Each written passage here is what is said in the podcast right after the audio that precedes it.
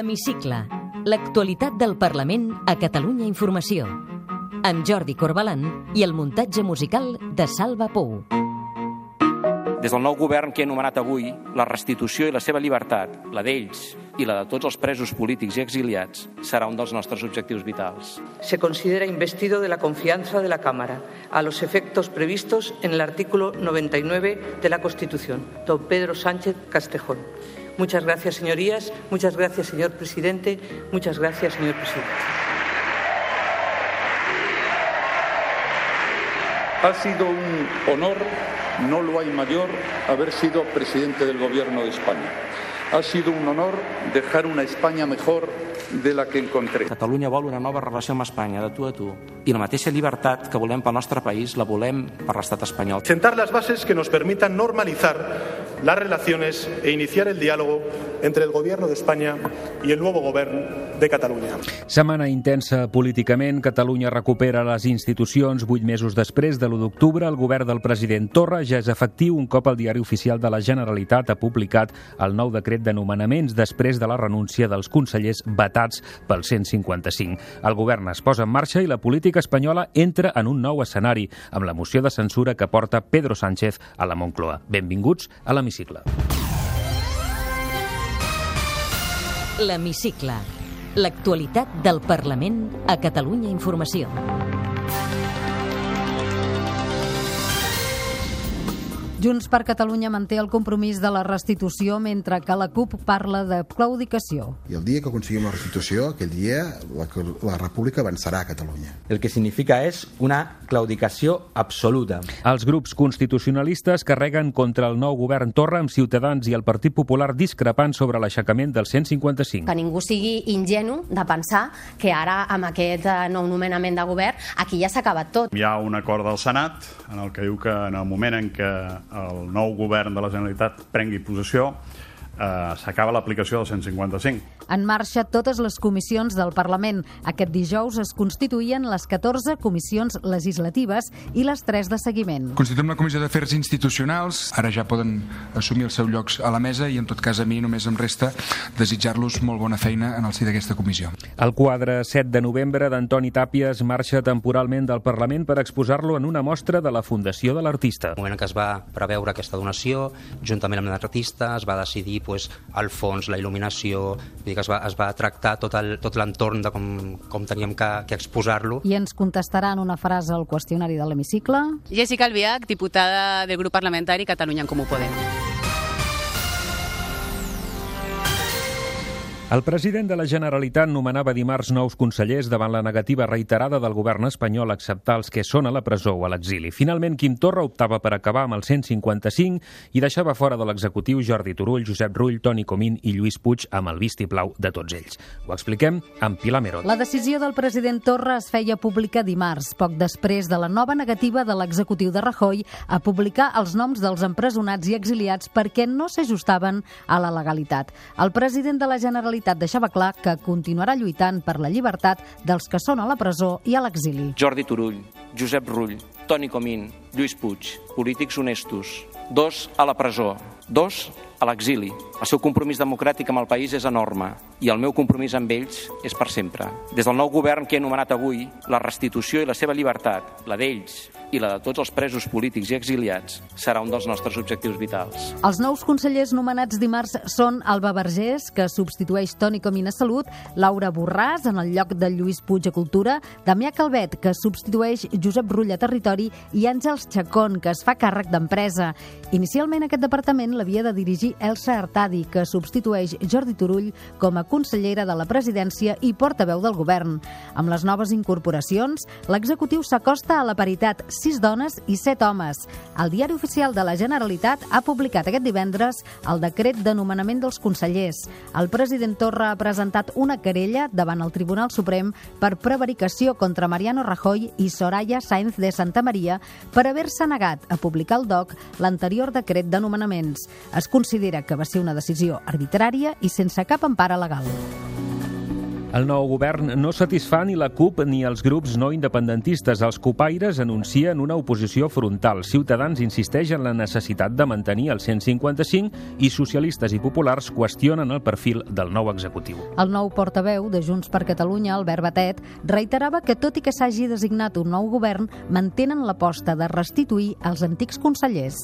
I és un compromís que és ineludible, que és un compromís de legislatura i és un compromís que tenim molt clar el grup parlamentari de Junts per Catalunya, tots els diputats i diputades i tots els membres del govern perquè forma part dels nostres valors més centrals com a Junts per Catalunya. Mentrestant, des de la CUP, Vidal Aragonès llançava una crítica frontal contra el nou govern. El que significa és una claudicació absoluta. Aquesta decisió és una nova prova més de la trajectòria de renúncia tant d'Esquerra Republicana de Catalunya i ara també, i ho volem dir d'una manera molt clara, de Junts per Catalunya, al mandat tant de l'1 d'octubre com del 21 de desembre. Els grups constitucionalistes criticaven la composició del nou govern. La diputada de Ciutadans, Lorena Roldán, insisteix que cal mantenir el 155, mentre que el popular Santi Rodríguez sosté que s'aixeca amb la presa de possessió del govern. Que ningú sigui ingenu de pensar que ara, amb aquest eh, nou nomenament de govern, aquí ja s'ha acabat tot. Nosaltres demanem als partits constitucionalistes doncs, que puguem seure, que podem arribar a un acord, perquè el que és urgent aquí aquí és garantir els drets i les llibertats de tots els catalans i això es fa, evidentment, aplicant la Constitució a Catalunya. Complim les lleis, complim les normes, tant per allò que ens agrada com per allò que no ens agrada. I escolta'm, hi ha un acord del Senat en el que diu que en el moment en què el nou govern de la Generalitat prengui possessió eh, s'acaba l'aplicació del 155. Eva Granados, del PSC, confia que el nou govern es posi a treballar pel conjunt dels catalans. Algunes de les conselleries, crec que pel que sabem i pel seu passat doncs, eh, tampoc s'apropa al que nosaltres volem com a socialistes, que és una reconciliació entre els catalans i les catalanes. L'Hemicicle. El Parlament a Catalunya Informació. El ple de dimecres que ve haurà d'elegir la nova secretària quarta de la mesa, un càrrec que fins ara ocupava la nova consellera de Salut, la republicana Alba Vergés. El grup republicà proposarà per la mesa la diputada vegenca Ariadna Delgado. El ple de dimecres debatrà la proposta del Partit Popular de modificar per lectura única la llei que regula les atribucions dels expresidents de la Generalitat i la proposta de creació de la Comissió d'Investigació sobre el projecte del magatzem de gas Castor, que impulsen Junts per Catalunya Catalunya, Esquerra, els Comuns i la CUP. Precisament, el Parlament ha demanat al Tribunal Constitucional que executi la sentència sobre el cas Castor. El desembre passat, el TC va anul·lar la indemnització de 1.350 milions d'euros que el govern espanyol va atorgar a les empreses promotores del projecte. El text, signat pel lletrat major Antoni Bayona, demana a l'alt tribunal que confirmi els efectes de la sentència. Constituïm la Comissió d'Afers Institucionals, saben perfectament com, com funciona. El, primer que el Parlament ha fet aquesta setmana, com sentir, una passa més per recuperar l'activitat ordinària. Dijous es constituïen les comissions legislatives d'aquesta dotzena legislatura. Sí, sí, sí, D'acord amb la distribució acordada pels grups parlamentaris, Ciutadans presideix les comissions d'Afers Institucionals, Interior i Empresa i Coneixement. Junts per Catalunya, les d'Economia i Hisenda, Acció Exterior, Cultura i Agricultura. Esquerra presideix les comissions d'Ensenyament, Salut i Treball. El grup del PSC i Units té la presidència de Territori i de Polítiques Digitals i Administració Pública. Finalment, els comuns tenen la presidència de Medi Ambient i Sostenibilitat i de Justícia. També han quedat constituïts constituïdes les comissions de seguiment de les polítiques de joventut, igualtat i infància. L'Hemicicle. El Parlament a Catalunya Informació. El republicà Toni Comín ha renunciat a delegar el seu vot des de Brussel·les pels propers plens al Parlament. La decisió del diputat arriba després que la justícia belga va aixecar totes les mesures cautelars contra ell i fa perdre la majoria simple a Junts per Catalunya i Esquerra. I és que per ara no està plantejada ni prevista la renúncia de Comín a la seva acta de diputat, segons fonts d'Esquerra Republicana. La portaveu republicana, Anna Caula, no descarta tornar a demanar la delegació de vot per Comín. Continua mantenint canvien les coses. Esquerra tampoc eh, li ha demanat eh, que renunciï, sinó en aquesta situació puntual. Eh, ell ha presentat doncs, aquesta opció doncs, dels propers plens no fer-ne ús, però que, que és revocable. No? Ara mateix, però, sense el vot delegat de Comín, Junts per Catalunya i el grup parlamentari republicà perden la majoria simple al Parlament. A partir d'ara sumen només 65 diputats, els mateixos que el bloc no independentista. Per sumar majoria simple els caldrà el suport d'almenys d'un diputat d'un altre grup i tres abstencions i confien que trobaran entesa amb la CUP preferentment. La cupaire Natàlia Sánchez recorda, però, la seva decisió d'anar a l'oposició. Estem a l'oposició perquè entenem que la seqüència de fets polítics i accions també en el terreny simbòlic, pràctic i polític no apunten cap a una voluntat eh, republicana i de ruptura amb el règim i, per tant, nosaltres ens mantenim a l'oposició amb les quatre diputades de la Cocuria Constituent. Ciutadans i els socialistes reclamen a Comín que renunciï a l'acte de diputat. Escoltem Carlos Carrizosa i Eva Granados. ¿Por qué el señor Comín renuncia a votar y a venir y, sin embargo, no renuncia a cobrar? El que ens agradaria és que deixés l'acte, però l'acte el té ell i, i és la seva decisió. Molt em temo que no només és la voluntat del meu grup parlamentari, sinó que hi ha molts altres grups i fins i tot diputats del seu mateix grup parlamentari que també li agradaria que prengués aquesta decisió. El Tribunal Suprem farà dimecres la vista dels recursos d'apel·lació contra els membres del govern i del Parlament processats pel jutge Llarena per delictes de rebel·lió, malversació o desobediència el 9 de maig passat. En el cas que els recursos es desestimin i el processament sigui ferm, els inculpats, que són diputats, quedarien suspesos. Mentrestant, la Fiscalia alemanya ha fet la petició formal perquè s'estradeixi Carles Puigdemont per rebel·lió i malversació. El tribunal ja ha descartat dues vegades el delicte de rebel·lió, però la Fiscalia hi insisteix. I amb tots aquests fronts judicials que ara sentíem oberts, el síndic de Greuges reclama l'alliberament immediat dels polítics i dirigents sobiranistes empresonats fins que se'ls pugui jutjar amb garanties. Rafael Ribó entregava dilluns al president del Parlament, Roger Torrent, un nou informe sobre la vulneració de drets i llibertats a partir de l'1 d'octubre i l'aplicació del 155. El síndic situa l'ús abusiu i desproporcionat de la presó preventiva com la vulneració més flagrant dels drets fonamentals que s'ha produït. Per això, la primera mesura que reclama és aquesta. L'alliberament immediat de les persones encausades per delictes de rebel·lió o sedició que es troben en presó provisional mentre no se celebri un judici en plenes garanties i hi hagi sentència ferma. El síndic troba preocupant que persones que han estat elegides i que estan en possessió dels seus drets polítics no hagin pogut optar a la investidura. També reclama que s'enforteixin les garanties democràtiques per exercir drets fonamentals com la llibertat d'expressió, de reunió i de manifestació. L'Hemicicle. L'actualitat del Parlament a Catalunya Informació. I després de l'enrenou sobre els llaços grocs de l'últim ple, el president Torrent s'ha compromès a fer arribar als grups una proposta de consens sobre l'ús dels símbols a l'hemicicle. Ha citat per dilluns els portaveus dels grups per parlar-ne. Ciutadans i el PSC sostenen que no hi ha d'haver llaços grocs a la bancada del govern. En el cas de Ciutadans, creuen que cal obrir també el debat sobre la conveniència que es puguin exhibir símbols a la resta d'escons. Sentim els portaveus Carlos Carrizosa i Eva Granados. Porque los bancos del gobierno son de todos los catalanes, no son de los partidos políticos. Eso es el gobierno de la Generalitat de Cataluña y los gobiernos gobiernan para todos, no para los señores del lazo amarillo solo. Nosaltres crec que hem de ser molt respectuosos amb la llibertat d'expressió i aquells escons que són propietat eh, que tenen noms i cognoms que estan assignats, si es vol posar algun tipus de simbologia, jo crec que això estaria dins de la llibertat d'expressió sempre que no ofengués a ningú. Una altra cosa és quan s'estan incorporant simbologia en uns escons que són de govern Esquerra demana que es respectin els llaços grocs i els comuns apel·len als grups a no crispar més l'ambient.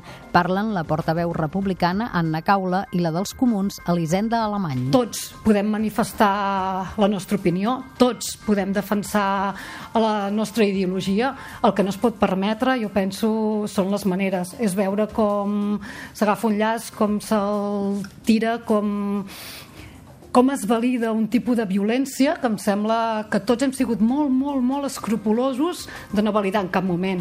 L'últim que necessita Catalunya és que els parlamentaris llancin més missatges de crispació, més missatges d'enfrontament. El que necessitem són més missatges que apel·lin a la convivència i al diàleg. L'Hemicicle. El Parlament a Catalunya Informació. Una de les obres artístiques més emblemàtiques del Parlament, el quadre 7 de novembre d'Antoni Tàpies, ha sortit per un temps del Parc de la Ciutadella per anar a l'exposició sobre l'obra de l'artista que s'obrirà aquest mes a la fundació que porta el seu nom. La història d'aquest quadre ens l'explica l'Albert Duran.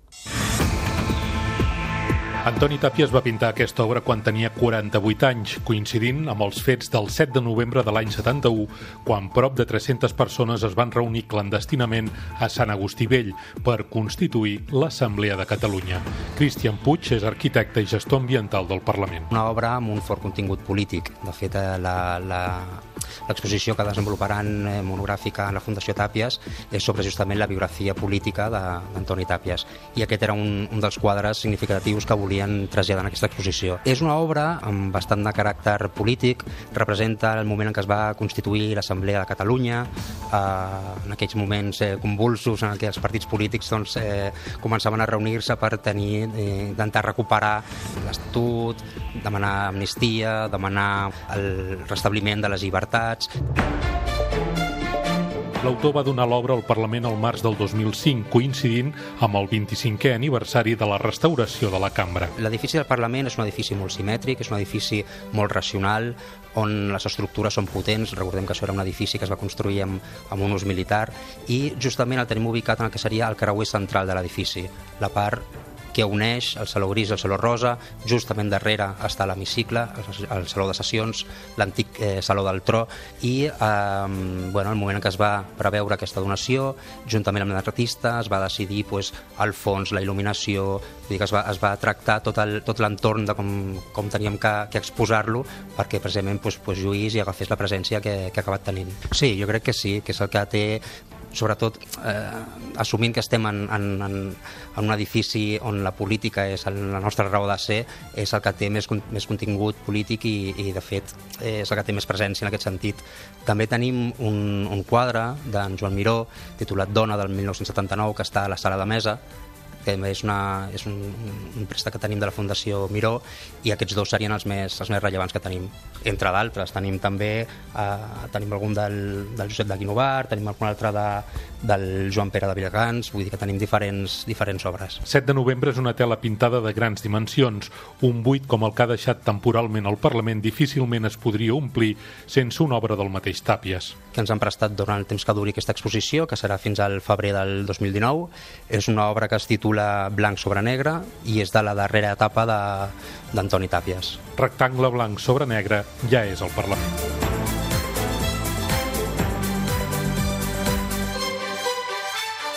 L'Hemicicle. Té la paraula Jessica Albiach, diputada del grup parlamentari Catalunya en Comú Podem. en una frase. S'obre una nova etapa a la política catalana amb Pedro Sánchez a la Moncloa? Esperem que sí. La veritat que avui és un dia d'esperança perquè es poden ma ma marcar les pautes d'un nou, nou país, no? un país que el volem plurinacional i que, per tant, afavoriria rebaixar la tensió amb Catalunya i retornar a la política. Hem vist que la política els darrers mesos estava més en els tribunals que en, que en les seus parlamentàries i ara és el moment de, del retornament a la política. Però els socialistes han avalat el 155, igual que ho ha fet el PP i Ciutadans. Per això és fonamental el paper d'Unidos Podemos en Comú Podem i en Marea. És a dir, nosaltres estarem emetents, nosaltres intentarem dibuixar un horitzó, com insisteixo, plurinacional, que entenga que Espanya és un país de països i que la solució a Catalunya ha de passar per un referèndum, perquè en definitiva això és democràcia i és el que està demanant una gran part de la ciutadania. Aquestes serien una mica les línies vermelles que exigiria mm, Podem eh, per eh, oxigenar eh, aquesta estada de Pedro Sánchez a la Moncloa? Pedro Sánchez, eh, per nosaltres, té tres objectius o tres tasques principals. La primera seria recuperar el diàleg amb Catalunya, insisteixo, passar de les togues al debat, al diàleg. En segon lloc, eh, recuperar tot, totes aquelles mesures socials que han estat vetades sistemàticament pel Partit Popular i per Ciutadans, que en definitiva és la seva crossa, i la regeneració democràtica. No es pot permetre mai més tornar a tindre un ministre de Justícia que està dient-li als jutges el que ha de fer. Pedro Sánchez hauria de convocar eleccions quan abans millor o ja li anirà bé a l'estat espanyol un cert període d'estabilitat? De, de, Nosaltres no entrarem a dir eh, quan ha de convocar eleccions perquè per això ell és el president del govern. El que sí que tenim clar és que uns mesos per poder fer aquestes tasques que li estava comentant seria important. Crec que no ens podem enfrontar a unes noves eleccions eh, sense recuperar el diàleg amb Catalunya. Mentre hi hagi presos i exiliats, hi pot haver reconciliació entre els governs català i espanyol? Crec que eh, els presos polítics i les persones que estan exiliades eh, per motius polítics eh, han de poder tornar a Catalunya quan abans millor i, òbviament, eh, fins que no es retorni a una normalitat democràtica serà difícil arribar a consensos. A l'hemicicle hi pot haver llaços grocs? I tant, nosaltres creiem que és un tema de llibertat d'expressió i particularment vaig sentir molta vergonya la setmana passada quan va haver aquell espectacle eh, entre, bueno, amb ciutadans que, que al final el que estaven portant era un debat identitari i simbòlic al Parlament quan allà el que hem de fer és política. Des d'aquest cap de setmana hi haurà govern eh, efectiu. Eh, els comuns es poden arribar a entendre amb el govern del president Torra? Esperem a veure quin és el programa del president Torra. El, el nostre president del grup parlamentari, Xavi Domènech, li va preguntar quina anava a ser eh, bueno, la, la seva intenció en matèria tributària, s'anava a fer una reforma tributària que fora més justa, més redistributiva, perquè els que més tenen paguen més, i no va contestar. No ens va dir si acataria la resolució de 2016 del Parlament de Catalunya de baixada de taxes universitàries. Vam veure que va parlar molt d'escola catalana, però no va parlar d'escola pública catalana, estarem, bueno, estem esperant a veure quines són les polítiques. No es tracta tant del qui, sinó del què. També, també és important el qui. No és el mateix les polítiques de la del Sartadi que les de la Teresa Jordà.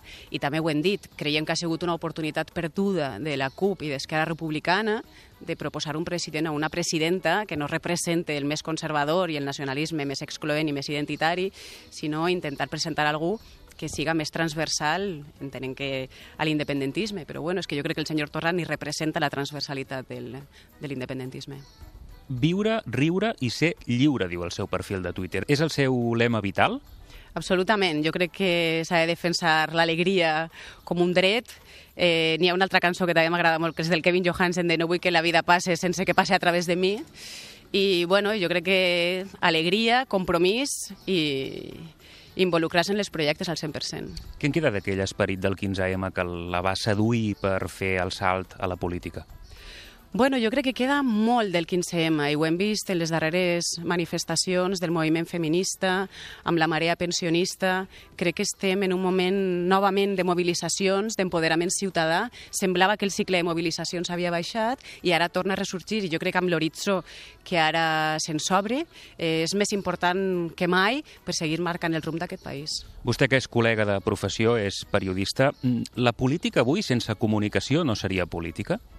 La política sense comunicació no seria política, però també crec que hem de centrar-nos més en fer política i no tantes vegades caure en allò que veiem massa sovint, que és la política espectacle. Viu de lloguer o de propietat? De lloguer. És més de pis o de xalet? Jo comparteixo pis. Carn o peix? Peix. Té traça amb els fogons? Que va, que va, que va. No. Faig cuina ràpida, sana, però ràpida. On s'escapa quan vol desconnectar del tot? Pues m'agrada molt anar-me'n de càmping a la Costa Brava i també els meus avis tenien una barraca i ahir per València i quan puc vaig. Si l'haguéssim de buscar a l'estranger, a on la trobaríem? Ara per ara, la ciutat que he descobert que més m'agrada és Sarajevo. Un record de València de quan era petita. Bueno, aquells caps de setmana a la barraca dels meus avis berenant horxata i fartons. Un llibre de capçalera.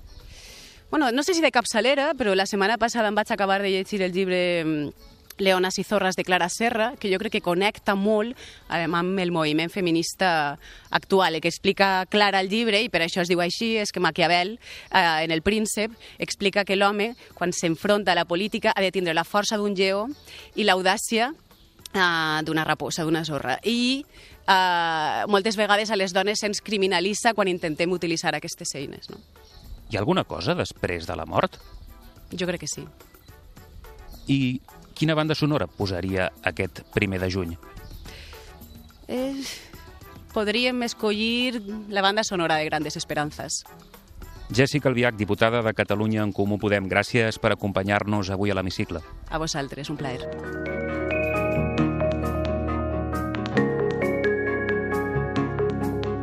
Podeu tornar a escoltar l'Hemicicle al web catradio.cat barra hemicicle o al podcast del programa i seguir l'actualitat del Parlament al perfil de Twitter arroba L-hemicicle.